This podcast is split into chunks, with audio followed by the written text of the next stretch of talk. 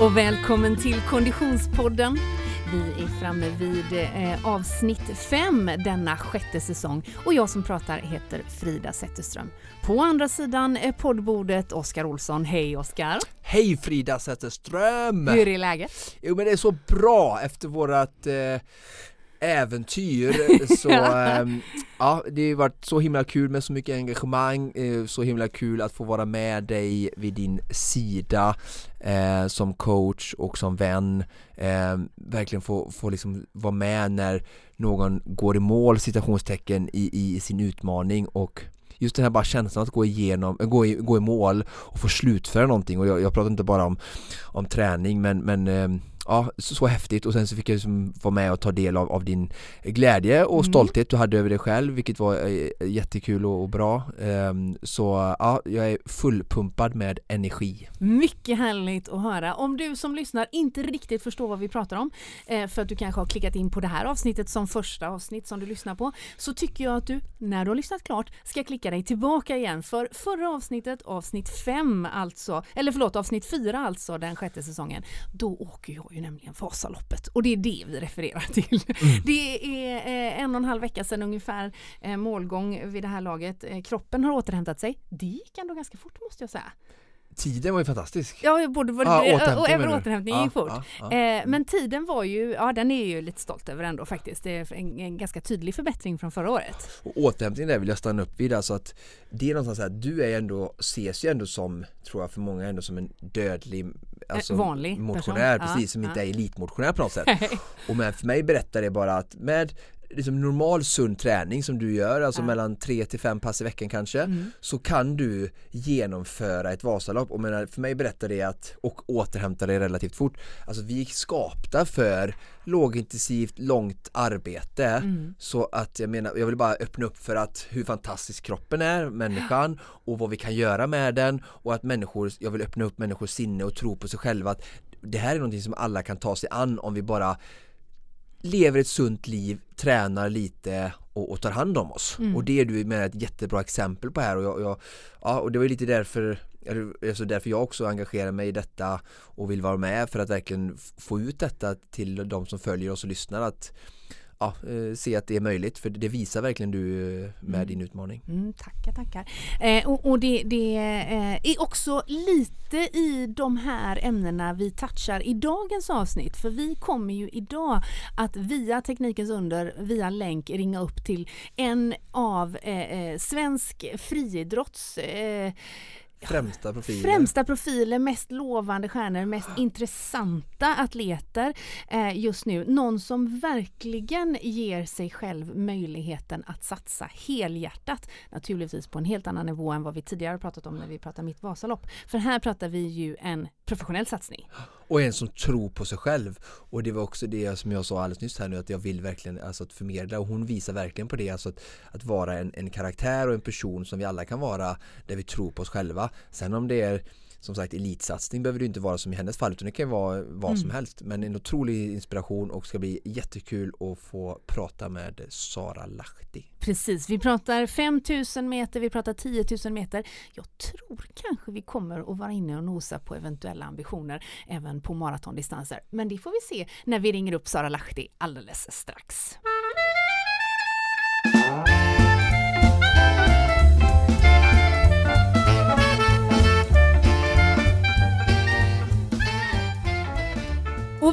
Är så glada att vi har med oss våran poddpartner Polar genom hela den här säsongen. Alltså Oskar, det var ju inte utan att vi eh, tillbringade både en, tre och tio minuter eh, eh, och, åt att titta på våra klockor direkt efter målgång alltså.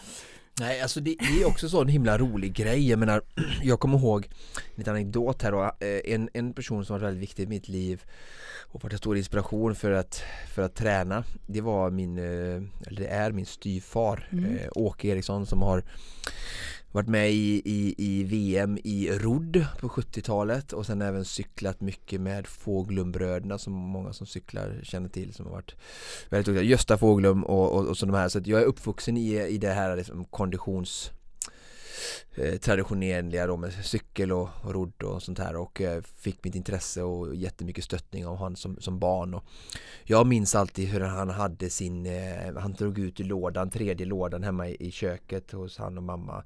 Eh, där låg liksom hans block då med träningsdagbok. Just det.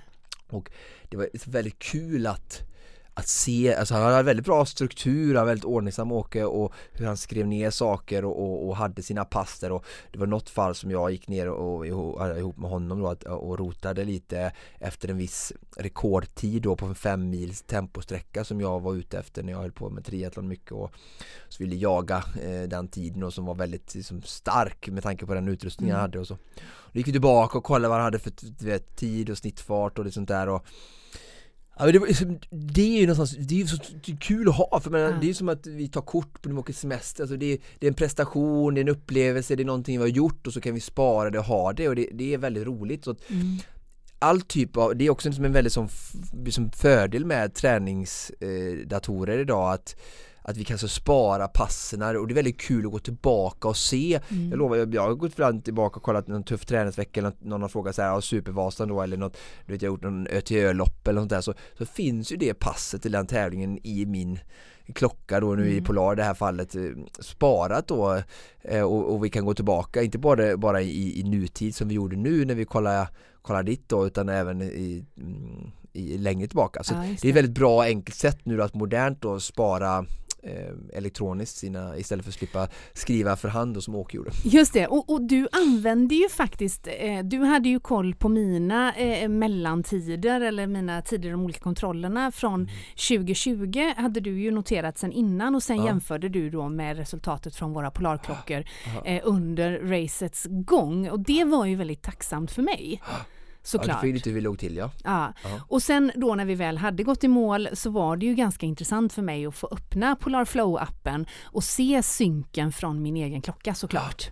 Ja, precis. Du ser höjdkurvor och du ser hur du har åkt, hur pulsen har varit i de olika platserna och ja, du har distansen och ja, men det är ju mm. som det är verkligen som ett virtuellt bevis på, på din prestation som finns där som du kan grotta ner det lite i. Liksom. Mycket bra beskrivet faktiskt. Det mentala beviset det har jag inom mig mm. och det virtuella beviset mm. på min prestation det har jag i min Polarklocka. Mm. Tack för det Polar för att ni hänger med oss den här säsongen.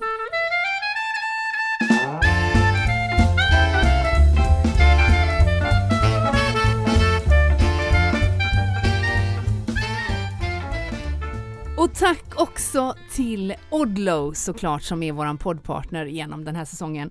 Eh, vi var ju oerhört snyggt klädda i spåren.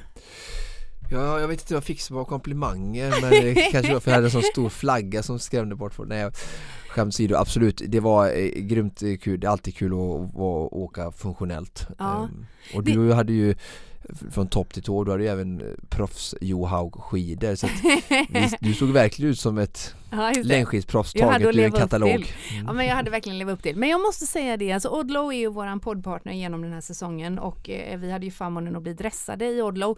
Det hade du ju på dig redan under Supervasan och nu hade du och jag på oss det under Vasaloppet eller Vasaåket som det heter. Eh, jag var eh, oerhört nöjd med mina längdåkningskläder från Odlo och jag är ju onekligen en ganska kritisk konsument i det här sammanhanget. Det får man ändå säga. När det kommer till kläder speciellt. Ja, ja men precis, det är det jag menar. Mm. Eh, men, men eh, vi pratade ju i, i eh, förra veckans avsnitt om vad vi skulle ha på oss. Eh, jag valde ju att köra både med midlayer, alltså lager 2-tröja under min eh, zero weight ja. Eh, jacka. och för mig var den kombinationen helt perfekt. Och så hade du ett underställ också ju. precis, och ja. sen hade jag faktiskt skidåkning träningstights som inte var supervarma. Eh, för det var ju rejäla plusgrader. Eh, och det var jag jättenöjd med. Så jag var supernöjd med eh, mitt eh, ställ från Odlo. Eh, du åkte ju faktiskt i, i eh, mellanlagertröjan. Så, ja, bara, varmt. Och sen tog jag av min, jag hade samma jacka som dig, sen tog jag av mig den och bytte till väst. Mm. För det blev, jag var väldigt varm mm. och även om det inte var väldigt, det var väldigt låg intensitet, jag hade som jag sa min snittpuls var runt 100 mm. um, Så det är väldigt lågt för mig Så det var inte så mycket värme på mig men Det var väldigt varm dag så det var väldigt skönt att på sig väst Jag har aldrig åkt uh, längdskidor i väst förut Nej. Men det var, uh, det var jätteskönt ja, ja. Det är samma som vid löpning Alltså det är jätteskönt att ha på sig en väst eller jacka Alltså jag ska verkligen slå ett slag för, för västen mm, mm. Väst som träningsplagg är grymt skönt alltså mm. Speciellt nu när våren kommer också mm. uh, Ska bli grymt kul att se nu vad Nu, ni som inte vet om detta, nu breakar jag detta lite här men Fridas nästa mål nu blir ju Förutom cykelvasan då eftersom det, eftersom det är en del av Supervasan så är det ju 21 km som vi ska försöka tackla här nu igen kanske. Just det, i och, löpning ja. Ja, ja, men och det eh, då ska det bli kul att se um, eh, vad vi ska dressa upp dig då ja. och springa i. Jag håller faktiskt och, med dig. Eh, väst ska slå verkligen slag för ja. alltså. Och vi ska kolla Odlos sortiment på en löpning och eh, västar inte minst. Eh, men om du som eh, lyssnar på Konditionspodden blir sugen på att eh, botanisera mer kring eh, klädutbudet för träning både för längdåkning och för cykling och löpning mm. kanske framförallt. Vilket ju är själva ämnet på Eller slalom, det åker du mycket. Just det. Men eh, Odlow har plagg för de flesta tillfällen. Gå in på odlow.com för att botanisera och eh, eh, Odlow finns hos en mängd olika återförsäljare runt om i Sverige. Tack så mycket för att ni hänger med oss den här säsongen.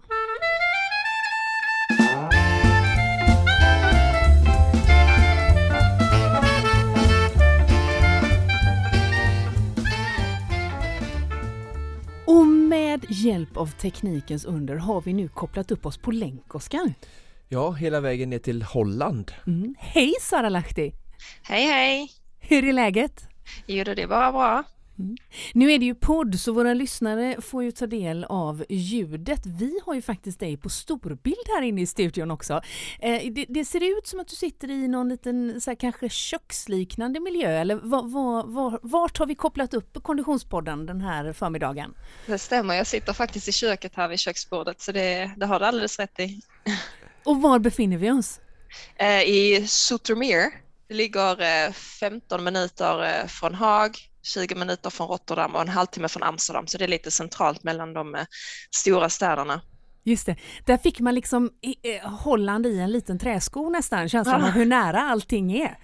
Precis, jo men det är det, det är egentligen som en stor stad allting. Mm. Så det är faktiskt väldigt skönt.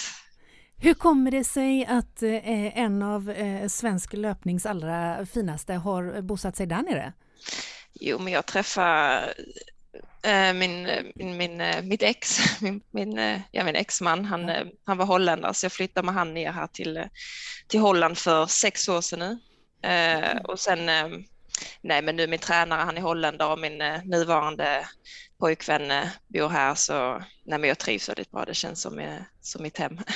Mm. Men vi kommer få behålla dig i blågula färger? Ja, ja, ja, ja, ja men det är klart. nej, jag vill inte bli holländsk medborgare. Jag tänker för någon som är i din eh, situation och med dina ambitioner så är ju alltså träningsmiljö eh, och eh, kunskap och team och allting runt omkring väldigt viktigt. Hur, hur tycker du att, eh, alltså är Holland lika, har lika bra förutsättningar som att vara i Sverige eller ännu bättre eller eh, hur står det sig tycker du?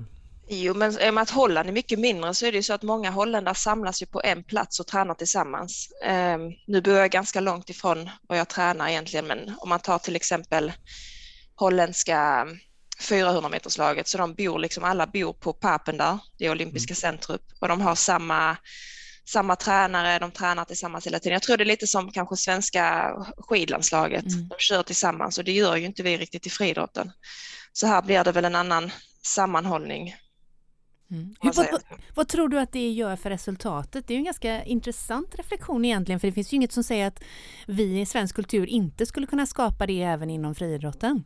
Nej, men resultaten har man ju sett här, liksom, de här 400 meterslöparna från Holland, de, är ju, de har ju blivit bäst i världen, Femke Borda mm. som springer eh, jättebra och, och alla de tjejerna där, så de, nej, jag tror det ger jättemycket att kunna träna så tillsammans. Men jag tror det är svårare i Sverige i och med att då leder det att man får flytta till Stockholm, så man bor i Skåne och flyttar till Stockholm så är det en bit att, mm. att ta sig. Mm. Hur, hur, reflekterar du det? Det är klart det är olika från eh, individ till individer att hitta sin setup i vardagen som, som, som, som funkar men eh, jag tänker resultat och, och målsättningar är ni ju villiga att gå ganska långt för och att då kanske flytta till rätt liksom, förutsättningar är, någonting som, man, som ni prioriterar väldigt högt. Men hur känner du är i prioriteringen där, liksom är familjen och det viktigare eller liksom miljön och träningsmöjligheter och tränare? Och... Nej, men familjen är väldigt viktig för mig för att kunna prestera. Alltså mm. är jag iväg och jag inte känner mig trygg så, så kommer jag hem ganska snabbt igen. Så jag måste ha liksom en stabil grund. Och det är då med familjen och sen så bra omgivning att träna är viktig med. Men jag tror ändå att du känner dig stabil och trygg där du är nog viktigare än att, eh, att ha en bra grupp egentligen. Mm. Och du har fortfarande stöd ifrån Hässelby är det väl? Hässelby, ja. Som du fortfarande tävlar för och, ja, stöd? det stämmer. Ja. Ja. Hur tät dialog har du med, med din organisation där? Men vi hör väl av, alltså vi pratar väl någon gång i månaden så frågar hur allting går och vilka tävlingar som står planerade och ja, men hur träningen går och, och vilka läger som, som jag ska på. Men det är väl ja, någon gång i månaden man pratas vid. Mm. Vi, vi har ju haft Fogberg och många andra friidrottare liknande dig med här i podden och eh, jag själv är väldigt intresserad av att höra vad det finns, nu bor ju du utomlands men det ska ju inte spela någon roll. Eh, vad, vad, hur, tycker, hur ser stödet ut som ni får från Svenska idrottsförbundet eller Olympiska kommittén och sådär i er satsning? Eh, alltså klubben är väl egentligen den som gör, alltså min Hässelby för mig, det betyder ju mm. allt. Det är verkligen mm. det som stöttar upp och sen Svenska Friidrottsförbundet så är det egentligen inget direkt stöd man får. Det är väl eh, några tusenlappar för ett mästerskap om man kvalar dit och, och Svenska Olymp olympiska kommittén, nej, där, har jag, där blir jag väl utkastad efter ett halvår, ett år kanske. Ja, ja, från olympiska kommittén så jag, ja, det stödet där, då får man väl en eh, får man, ja, man får väl en, eh, per halvår en viss summa. Ja. Men det är väl, nej men det är inget direkt jättebra stöd från, eh, från Friidrottsförbundet eller Olympiska kommittén. Det, tro, det här tror jag faktiskt inte att man känner till. Nej, att man känner till. Alltså att man som, som, som vanlig eh, eh idrottsintresserad, när vi tittar på er i mästerskapen och ni så ofta representerar vår nation och, och vårt, vårt land genom att vara en del av, av landslagstrupp så tror jag att ma många med mig eh, och då är jag, tillhör jag ju ändå de som har förmånen att få vara lite insatt, tror att ni har jättemycket mer support. Jag, precis, jag tror det med, men jag vet ju här i Holland funkar det ju lite annorlunda än i Sverige. I Sverige får vi som sagt mycket hjälp av våra klubbar, men här så är det att man får, är du med i den här olympiska kommittén och allt det här så får du en månadslön som eh, som, som en medelinkomst har i Holland. Liksom. Så det ah. funkar lite annorlunda där än vad det gör i Sverige.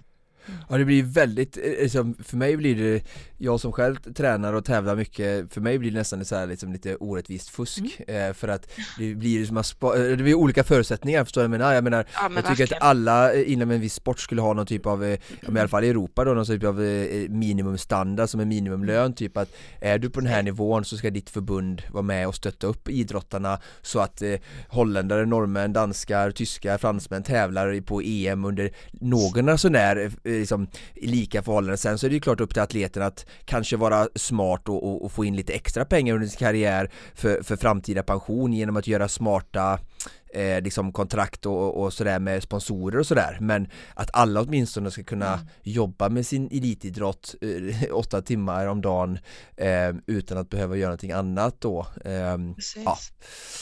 Mm. Nej, jag håller helt och hållet med. Men det är, ja, men det är svårt idag. Jag tror faktiskt många löpare har ett, eh, ett halvtidsjobb eller mindre sidan av mm. löpningen. Annars så blir det svårt att få Ja verkligen och, vi, vi, har, vi har hört fler vittna om det men jag tycker ändå det är viktigt för oss här att, att lyfta det är verkligen hur det ser ut och hur, hur ni kämpar inte, bo, inte bara på liksom arenan utan även vid sidan av så att det kan komma upp eh, till ytan och lyfta den mm. frågan och, och se om Eh, att, att, driva det på något sätt, liksom att eh, pusha på liksom för att ungdomar ska, eh, och ska fortsätta vilja alltså, jaga de här typerna av liksom, ambitioner i olika idrotter och, vilja mm. bli. För, för det är ju så att jag menar det är ju i Sverige nu, för vi ser med längd-VM och som är liksom på, på tapeten nu, liksom, det skapar ju så mycket glädje och intresse för idrott och rörelse mm. och engagemang och nationalism och liksom mm. positiva liksom, effekter för allting det ni gör. Så att eh, det känns absolut som det skulle kunna få lite mer liksom, i, i statsbudgeten. Mm. I statsbudgeten just. men, men du eh, Sara, eh, vi har ju en, en gemensam samarbetspartner i Assex som är, är huvudsponsor för oss i Konditionspodden, eller en av våra huvudsponsorer och, och också en av dina eh, sponsorer och samarbetspartners. Eh, de jobbar ju just nu med en kampanj som går under parollen A sound mind and a sound body. Um, och jag tänker lite grann det känns som att vi är inne och touchar på det redan nu. Hur, vad, vad betyder den eh, parollen för dig? Sound mind and sound body, det är ju liksom att ha balans och, ehm, och hälsa både i kropp och själ, psykiskt mm. och fysiskt och ha, och ha en bra balans i, i livet. Mm, mm. Vi har ju eh, fått eh, möjligheten att följa dig i din karriär såklart och jag vet att du kring just Sound Mind and a Sound Body eh, lyfter vissa frågor nu i samband med internationella kvinnodagen där det, det finns ju eh, olika sorters eh, pressure och, och, och, förväntningar på, på både olika nationaliteter som vi har varit inne på men också eh, mellan män och kvinnor. Vad skulle du säga är det är svårt, svårt att prata om största utmaningen, men vad tror du kan vara stora utmaningar för kvinnliga idrottare att just balansera den mentala hälsan och den fysiska satsningen? Jag tror att kvinnor har ju väldigt mycket press i hemmet med, så alltså de, de ska laga mat och de ska städa och och ta hand om barn om man har det och, och det är mycket skjuts. Ja, nu är det väl kanske lite mer jämlikt, men jag tror att kvinnorna känner en större press att, att göra det och vi ska få till träningen med och vi ska nog jobba fulltid. Så jag tror kvinnor i allmänt eh, lägger ganska mycket på sina axlar och de frågar inte om hjälp. Jag menar, det är inte så himla svårt att fråga sin partner om han kan tömma diskmaskinen eller, eller om han kan eh, skjutsa barnet till träning, men jag tror kvinnorna tar det själva på sina axlar. Mm. Tycker du att ni i, liksom, som är aktiva i, i eran krets, pratar ni om de här frågorna? Hjälper ni varandra? För jag menar, det är klart som tusan att de flesta snubbar tummar diskmaskinen tänker jag. Ja, alltså... men jo, men det, det, är klart de gör. Men jag tror till exempel jag själv, om man pratar om, jag tar ju hellre det själv än att gå och fråga någon annan. Eller gå och fråga min partner då så att säga. Jag ja. gör det, det tar mig två minuter så gör jag det själv och sen så tänker jag nej men då ska jag gå och handla med och sen så ska jag laga mat. Så jag själv personligen gör väldigt mycket i hemmet. Finns det som en inbyggd uh, kvinnlig stolthet tror du att det är det som förväntas av dem på grund av var vi kommer ifrån och att det är det vi försöker, ska försöka hjälpas åt alla att bryta och Ja men det tror jag. Det tror jag. Sen är det ju männen gör ju mer idag. Förr var det väl att mer att männen jobbar och kvinnorna gick hemma men idag är det väl mer jämlikt än vad det var, vad det var för många år sedan. Mm. Vad tror du att eh, du som, som atlet, eh, professionell atlet, eh, för det här är ju, alltså jag tänker så här, det här är ju en fråga som i, i, i samhället i stort berör eh, jämlikhet och eh, även inom andra yrkeskårer. Men hur tror du att det är annorlunda för just atleter? Kan det, kan det ha att göra med, tänker jag, att det är svårt att se sin träning som, ett, som yrkestid. Alltså kör man spårvagn så kör man spårvagn, då är man på jobbet så att säga. Så, jag tror, ja, men själv ser jag väl ändå som en yrkesgrupp, men jag tror för andra runt omkring en så blir det väl lätt att de, de ser väl, nej men du är ju bara ute och springer och du, ja. alltså att det inte är något riktigt jobb, så det har jag väl ändå hört från, från andra personer, men för mig själv känns det som, som ett jobb, jag menar jag lägger ja.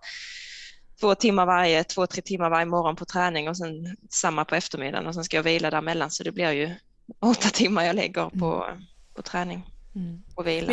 Jag tänker just att när du säger det att det, andra kanske inte ser det så. Jag tänker att det är också andras förväntningar som ställer de här eh, outtalade kraven på att huruvida man ska tömma diskmaskinen eller gå och handla eller hålla hemmet perfekt städat. Det är ju de outtalade förväntningarna som kommer från det vi kallar liksom samhället runt omkring. Och då kanske det är extra svårt då om yrkesvardagen är något som andra inte känner igen kanske. Mm, jo men så kan det ju vara. Och sen så är vi mer hemma, jag menar vi tränar ifrån, alltså hemifrån och ut och springer och då blir det väl lättare att göra alla vardagssysslor med. Det... Det, det, det, varför finns alla de här förväntningarna egentligen? För jag tycker det som är problemet, om samhället har en förväntan på kvinnan och sen har kvinnan såklart eh, säkert då i den här problematiken med stolthet egna förväntningar på sig själv men om, mm. om både kvinnan och samhället kunde släppa förväntningar och inte vi inte har några förväntningar då tänker jag så här, då, då blir det jämställt. Mm. För ja. det är förväntningarna i detta som gör att det blir problem liksom. Snarare att var, varje individ får ta sitt ansvar och göra som hon eller han vill. Mm jag tror nog de största förväntningarna kommer nog ändå från, från en själv. Ja, utifrån. Ja. Man har, ja, det tror jag. Hur mycket har du funderat kring de här frågorna och när började de funderingarna för dig? Kan du, liksom, kan du se att det fanns något moment när du, du, du har ju gått igenom en, en skilsmässa, bytt tillbaka till ditt namn, vilket mm. vi, många av oss känner igen. Ehm, kan du se att det har funnits ett moment i ditt liv när du började fundera mer kring sånt här? Nej, men det var ju såklart en väldigt, eh, väldigt tuff period och men alltså, nej, men med förväntningar så kan jag inte säga att det hade någon, alltså, någon, något samband, men nej, men jag har ju tagit igenom många skador och, mm. och skilsmässa och allt så det var väl i samma, samma de här tre åren där efter OS och, och till nu, så de, de åren var väldigt tuffa för mig och då sökte jag hjälp med på mental coach och jobba med han och och verkligen eh, försöka, försökte komma tillbaka till, eh, ja, till vad jag är nu. Mm. Och då vill vi ju såklart höra lite grann om var du är nu. Var, var befinner du dig i din eh, träningsvärld? Eh, hur, hur mår Sara Lahti i kroppen? Jo, men jag mår bra just nu. Jag är faktiskt ganska sliten. Jag har haft lite problem med ett knä det är därför jag skippar inomhussäsongen. Eh, så jag har börjat springa nu för en och en halv vecka sedan men kroppen är lite mör. Så jag har träningsvärk i rygg och ben och, och överallt. Så just nu så är den, ja men den är trött men den känns bra. Jag kan springa och jag springer smärtfritt så, så jag är glad. Vad har du haft för alternativ träning eh, när knät har varit som det har varit? Jag vet, det har varit svårt. Alltså jag, jag tror det här knät kom faktiskt för att jag cyklade för några veckor sedan. Jag var på motionscykeln där uppe och efter det så svullnade knät upp rejält. Bara från ingenting och det gjorde inte direkt ont heller men jag åkte in till, eh, till sjukhuset och gjorde en MRI och det visade sig vara alltså broskben, så jag hade fyra lösa broskbitar runt om i knät och när de svävar runt och lägger sig fel så gör det ju väldigt ont och knät låser sig. Mm. Så jag tog några veckors vila och sen så, så fick jag, så började jag egentligen med crosstrainer. Många kanske tycker att det är mer påfrestande för knäna, men det gick faktiskt bra för mig. Så jag skippade cykel och jag skippade allt annat och jag körde på med crosstrainer. Mm. Bra.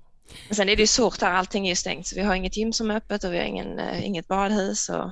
Aha, det är så. Ja. Ja. Hur, hur styrketräning, hur, hur, hur, hur, ser din styrketräning ut när det inte har varit stängt på gymmet då? Nej, men jag kör styrketräning två gånger i veckan. Mm. Eh, och då, är det, men då kör jag igenom hela kroppen och då är det liksom två timmar i gymmet med bara fokus på styrka. Men sen kör jag två, tre, veck två, tre dagar um, utöver det då bara core stability hemma, bålstabilitet och ja, med mycket stretch och rehab och, och så. Hur, eh, jag som coach tycker det är jätteintressant att höra hur, hur ser ditt samarbete ut med din coach nu och hur, hur mycket delaktighet har han eller hon eh, på dina olika typer av pass? Nej, men jag, åker, och jag har ju en timme att köra till träning så jag tränar med han eh, två gånger i veckan och sen lägger han ja. upp schemat för varje dag då. Mm. Eh, men styrketräningen det har jag faktiskt eh, tillsammans med min fysio så det lägger mm. vi upp utöver eh, så har jag intervallträning så kör vi en tuff dag så kör vi en tuff dag och har vi en easy day så, ja. så kör vi väldigt lugnt. Mm. mm. Så du har en fysio som du jobbar med som är med dig ibland och sen så har du din tränare då som gör programmet som du träffar två gånger i veckan? Precis, ja och fysio träffar jag med ja, en till två gånger i veckan. Ja, och de är holländare bägge två? Jajamän, mm. det är det. Du eh, slog ju igenom, nu gör jag sådana situationstecken som ingen poddlyssnare hör, varken kan se eller höra, men eh, kring 2016, är jag rätt ute då va, i samband med jo, rekord det... 10 000 meter? Jo, det är det. Det var 2016 som, eh, som jag slog igenom på riktigt. Mm. Det var det. Du sprang EM 2013, var det, då var du ung? Ja, jag sprang junior-EM där. Junior -EM, då, mm. Ja, precis. Sen sprang jag junior-VM i, i USA. Så jag, men jag var väl, jag var väl aldrig, jag var väl hyfsat duktig som junior, men ingen, ingen stjärna direkt. Jag kom ju, var, var jag på VM i Barcelona på, kom jag sist, så det var ingen, det Fast var inte jättebra. var trots allt där då och hade tagit ja, jag var, ja. Jo, men jag var där ja. Men, men, men eh, hur såg det ut fram till 2016? Hur mycket, eh, hur, hur mycket liksom satsade du helhjärtat på löpningen och hur, hur har det förändrats sedan dess? Jo, men det är faktiskt när jag flyttade till Holland och jag träffade min ex, exman då, han, han fick mig verkligen att förstå att man kunde satsa 100% på löpningen och innan det så trodde jag nej, men det här går inte, jag får ju ha ett jobb och jag får börja studera och sen så får löpningen komma vid sidan av. Mm. Hur gammal är du vid den här tidpunkten? Eh, där var jag, men det var sex, vad var jag? 20 va? Ja, nej, men lite 18 kanske. Ja. 18, 19 där. Och då, ja, men då sa han nej, men du, du kan gå helhjärtat för detta och verkligen eh, satsa. Då tänkte jag, men då ska jag verkligen ge ett år nu. Mm. Eh, och ja, men testa och se hur långt jag kommer. Och det gjorde jag och då började jag göra de här eh, stegen år efter år så utvecklades jag. Och 2015 så bytte jag till en australiensisk tränare och sen från där så gick det väldigt, väldigt bra. Mm. Hur kom du i kontakt med den australienska tränaren? Ja, det var en holländsk tjej som hade han som tränare och han har gjort väldigt, ja, väldigt många bra resultat på andra löpare så jag, ja, så, ja, så jag ville gärna testa att träna med honom så vi åkte till Australien i, i, vad var vi där i sex veckor och på de sex veckorna så, så var min nivå helt annorlunda när jag kom hem. Jag gjorde ju personligt rekord på nästan en och en halv minut på 5000 meter och så nej, det funkar väldigt bra. Det är oerhört intressant att uppehålla sig vid den tidpunkten. För jag menar, du är ändå då, vad var du, 18-19 år någonting. Du har varit aktiv i hela din naturligtvis barndom och ungdom. Och ändå blir det en sån enorm förändring relativt sent då i, i livet. Idag ser vi så mycket elitsatsningar på, på, på barn. Vad var det som hände då under de veckorna i Australien? Men jag tror, vi var ju med alla de här eh, professionella löparna där och jag såg hur de levde och hur de Jo men det brukar inte smitta av sig Sara, så tro mig, jag, jag blir alltså inte snabbare för att jag hänger med Oskar. Jobbet måste göras liksom. Ja men jo men det måste det, men jag tror faktiskt att det, det smittar verkligen av sig. Jag bodde med sex andra väldigt duktiga löpare och jag såg hur de levde och hur de tränade och hur seriösa de var så nej men jag, jag tog väl efter det och, och körde på och det funkar väldigt bra för mig. Mm. Och sen eh, 2016 det gick framåt och så, så var det när du slog svensk rekord första gången på 31.54 mm. som du eh, kvalade, var det, gav det din kvalplats i Rio sen då? Ja det gjorde det. Jag kvalade mm. egentligen tiden, gjorde jag inte på 10 000, jag gjorde den på 5 000 sen senare. Ja. Men jag, ja, men jag kvalade in på 10 000 till eh, jag sprang ändå en 10 000. Var, var någonstans var det du sprang det här eh, första loppet under 32? Mm, det var ju där i Palo Alto i, ja. ja i USA. Så vi ja. var på läger i en månad i Flagstaff och sen åkte vi ner till San Francisco. Så hur, hur, när ni gick in i det loppet, eh, fanns det någon tanke med, eh, men liksom, hade du någon måltid som, som var under 32? Eh, visste du om vad svenska rekordet var? Hur gick tanken under loppet? Ta oss tillbaka lite till den eh, och varför ja. sprang ni det loppet? Nej men alltså jag var faktiskt, jag ville egentligen, jag var ju B-heatet så jag sprang B-heatet så jag ville komma i A-heatet så jag tror faktiskt jag hade kunnat springa snabbare än vad jag sprang där. Uh Men jag sprang ju solo sista 5000 i, i mitt lopp då så jag hade en bra hare till 5000 sen blev det mycket solo. Så det, jag tror ni hade kunnat kapa 10-15 sekunder på den tiden. Uh Men det, så det var ju fantastiskt. Det kändes, jag var så stark i hela kroppen och allting bara flöt på. Så jag, men jag var väldigt nöjd med ett svenskt rekord. Jag visste inte om svenska rekordet innan. Det var faktiskt, jag tror det var Ulf Friberg som stod där. Ja, du kan ta det svenska rekordet. Okay. så, jag, så det var väl då första gången jag, hörde att jag var ja, ja. Men visste du alltså svenska rekordet var när du startade loppet? Nej, jag, nej, jag hade ingen aning. Nej, nej, jag, nej, jag visste inte det. Jag tänkte väl att jag kunde springa på en tid runt mellan 31.40 och 32.00 men jag hade faktiskt ingen aning om det svenska rekordet. Fick du något bra erkännande eller liksom gav det något lite extra uppsjås kring dig när du slog det på andra sidan Atlanten i Sverige eller? Jag tror det var ganska chock för många. Så jag har ju ja. som sagt, jag var väl hyfsat duktig som junior men jag var, ingen, jag var ingen stjärna direkt så det var väl en chock för många att jag hade tagit det steget upp till, ja, upp till eliten. Mm. Och det var ju 26 år gammalt rekord och eh, men det är många löpare, alltså tjejer som, som kämpar och, och så kommer du där i, i, USA och så slår ett svenskt rekord från ingenstans liksom. Och så, ja inte från ingenstans men mm. överraskande ja, i. Det var faktiskt, ja det var väldigt häftigt. Mm. Och sen då, eh, jag tänker Rio, jag, jag som vet hur värmeproduktionen i kroppen fungerar, alltså tänker att det var nästan en ännu större prestation och springa under 31.30 på, på OS sen, liksom i den värmen. Ja, vet du, vi hade nog faktiskt väldigt tur där för vår dag. Alltså vi sprang ju på morgonen. Vi startade vid 11 tror jag. Ja. Men vi hade runt eh, 18 grader men ganska hög luftfuktighet. Men vi hade väldigt tur med vädret. Jag vet dagen efter och på, när de sprang 800 meter så hade de ju runt 35 grader. Så jag tror mm. vi hade väldigt tur med vädret. Alltså för att vara en, en icke, ändå ska jag säga, löparnation på långdistans, eh, otroligt häftigt att ens ha en tjej med mm. från Sverige i OS på 10 000 meter där det brukar vara andra typer av nationer representerade. Eh, vad, Ta oss tillbaka lite till den resan och den upplevelsen det, det måste ju vara varje idrottares stora våta, höll jag på att säga, dröm. Ja nej men det var, det var jättehäftigt, alltså vi var ju två veckor innan min 10 000 meters final så bodde vi hos en brasiliansk kompis utanför, eh, utanför Rio så i hans hus där med hans föräldrar så var vi där i två veckor och förberedde oss. Det var på 1000 meters höjd, Petropolis heter det. Och det var ju väldigt häftigt. Vi var med här runt om och såg väldigt stora delar av Brasilien och, och var han tränade och gymmen där i hans kompis hus. Och, nej, det var egentligen kanske det var den största upplevelsen i sig, förberedelserna till Rio. Men det var väldigt kul och sen åkte jag ner till eh, olympiska byn två dagar innan och förberedde det sista där och sen så var det dags eh, för finalen och det var ju väldigt, väldigt, väldigt häftigt. Hur, hur gick loppet? Det är väldigt starka namn såklart, många förebilder kanske du får springa med. Det kanske var nyp med armen bara hela, hela loppet liksom. Ja, jag hade ju några tjejer jag hade tränat med i Australien som var med i det loppet så jag tänkte väl mer att eh, jag hade några bra ryggar att gå på där och jag ja. hängde på dem. Och... Men jag trodde faktiskt, jag stannade ju först ett varv för tidigt. Jag trodde jag skulle, att eh, att målet var då. Men sen jag såg en annan tjej före mig, hon stannade med, så jag tappade nog några sekunder där. Eh. Aha. Oj. Jag hade räknat fel. Det var väl för Ajana, hon varvade ju oss, eh, jag tror det var två gånger. Så det Oj. hade jag missat. Ja.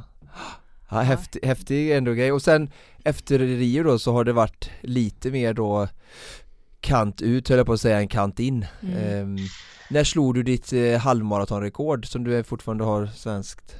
Mm, jo, men det var 2017.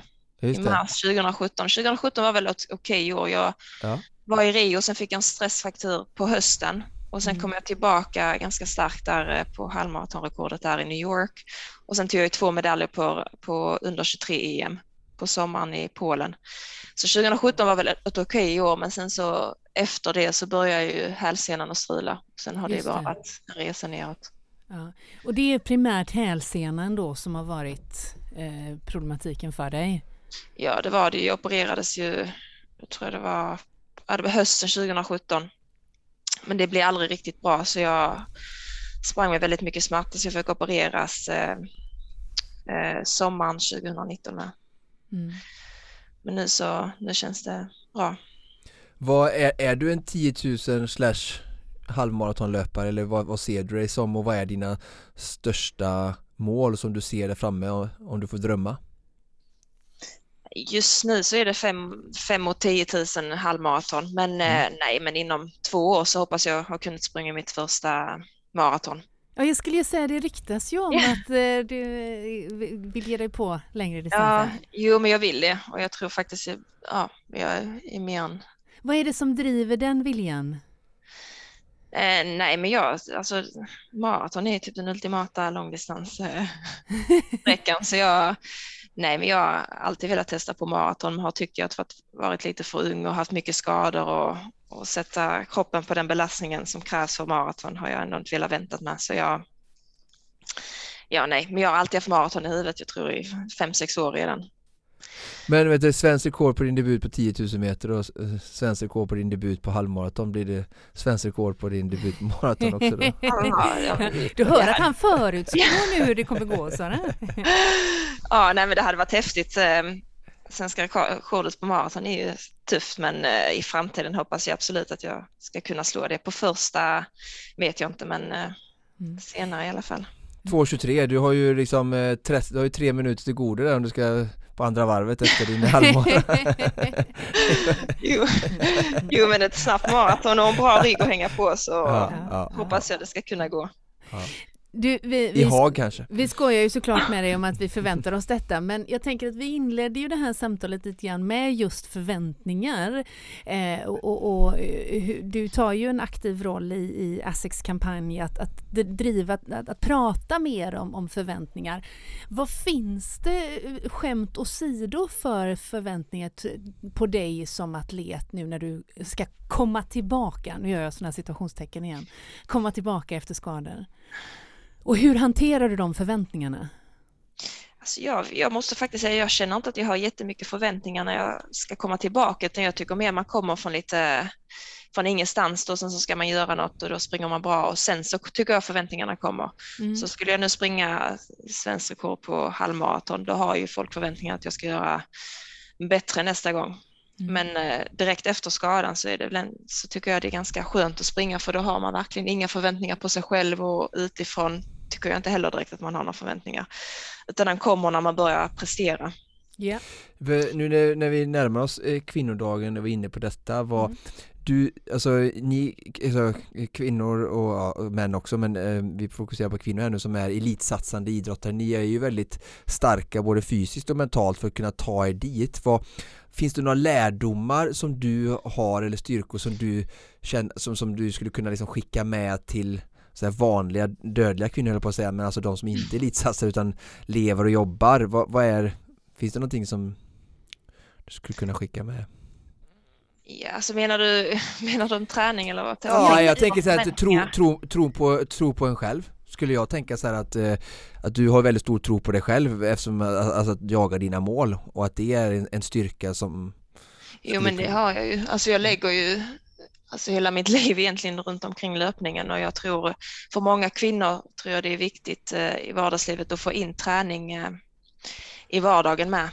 Så efter jobbet att gå ut och springa eller gå på något grupppass men i alla fall att röra sig två, tre gånger i veckan och, och verkligen ha en fast tid att göra det. Annars är det lätt att bara nej, men jag hinner inte idag eller jag måste handla eller jag måste göra något annat. Utan verkligen lägga in träning i, i vardagen tror jag är väldigt viktigt för, för den mentala hälsan och mm. hitta balans. Mm. Vi ska ju alldeles om bara några sekunder släppa iväg dig för att du ska hinna få in din träning.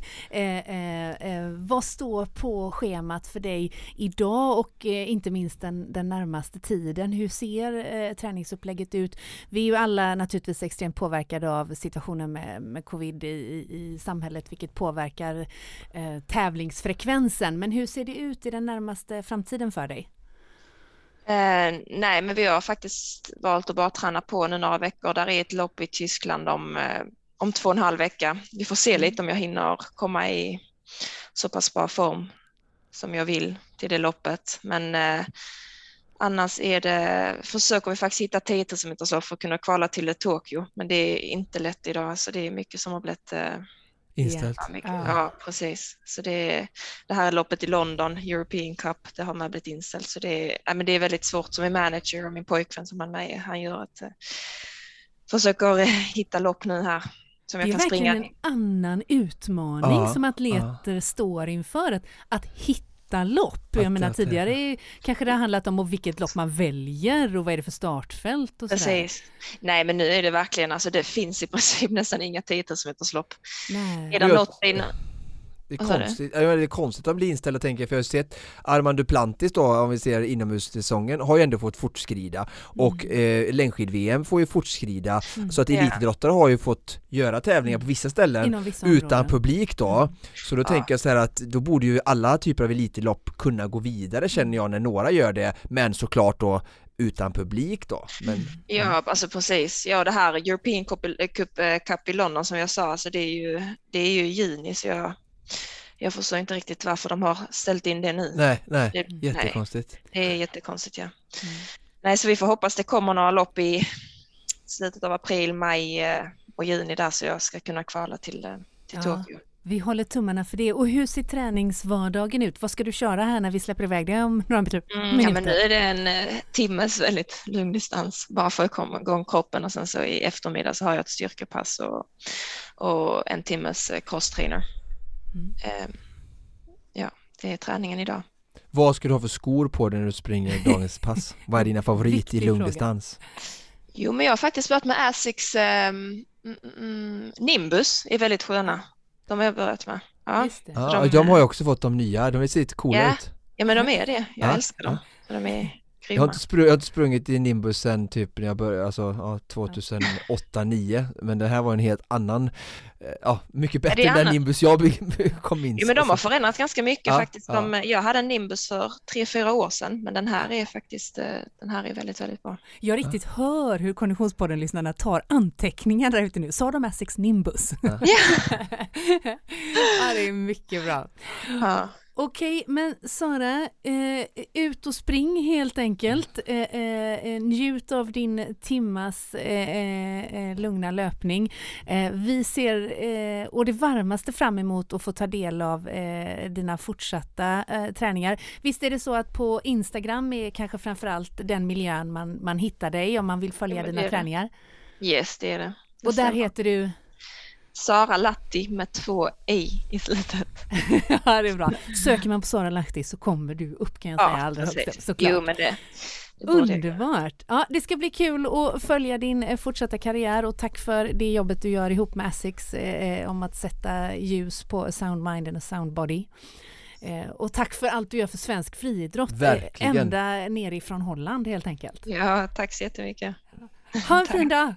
Detsamma, detsamma. Hejdå. Ha det bra. Hej då. Hej.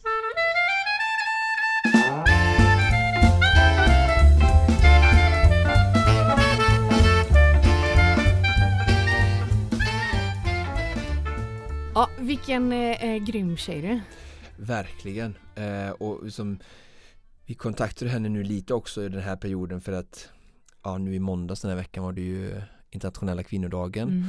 och jag som då det vet jag, eller jag ska inte säga vad folk tror om mig men jag brinner verkligen för jämställdhet. Mm. Alltså, och jag brukar, alltså jag gillar inte ens att prata så mycket om jämställdhet för mig vill, jag vill att det ska vara en självklarhet, jag är inte, jag är inte naiv men jag vill att det ska vara en självklarhet som att hudfärg, kön ska aldrig ha någon liksom spela en roll någonstans utan det ska alltid vara bara, vi ska prata om individer mm. som tar ansvar för sig själva och vi allihopa behandlar varandra med respekt och, och sådär.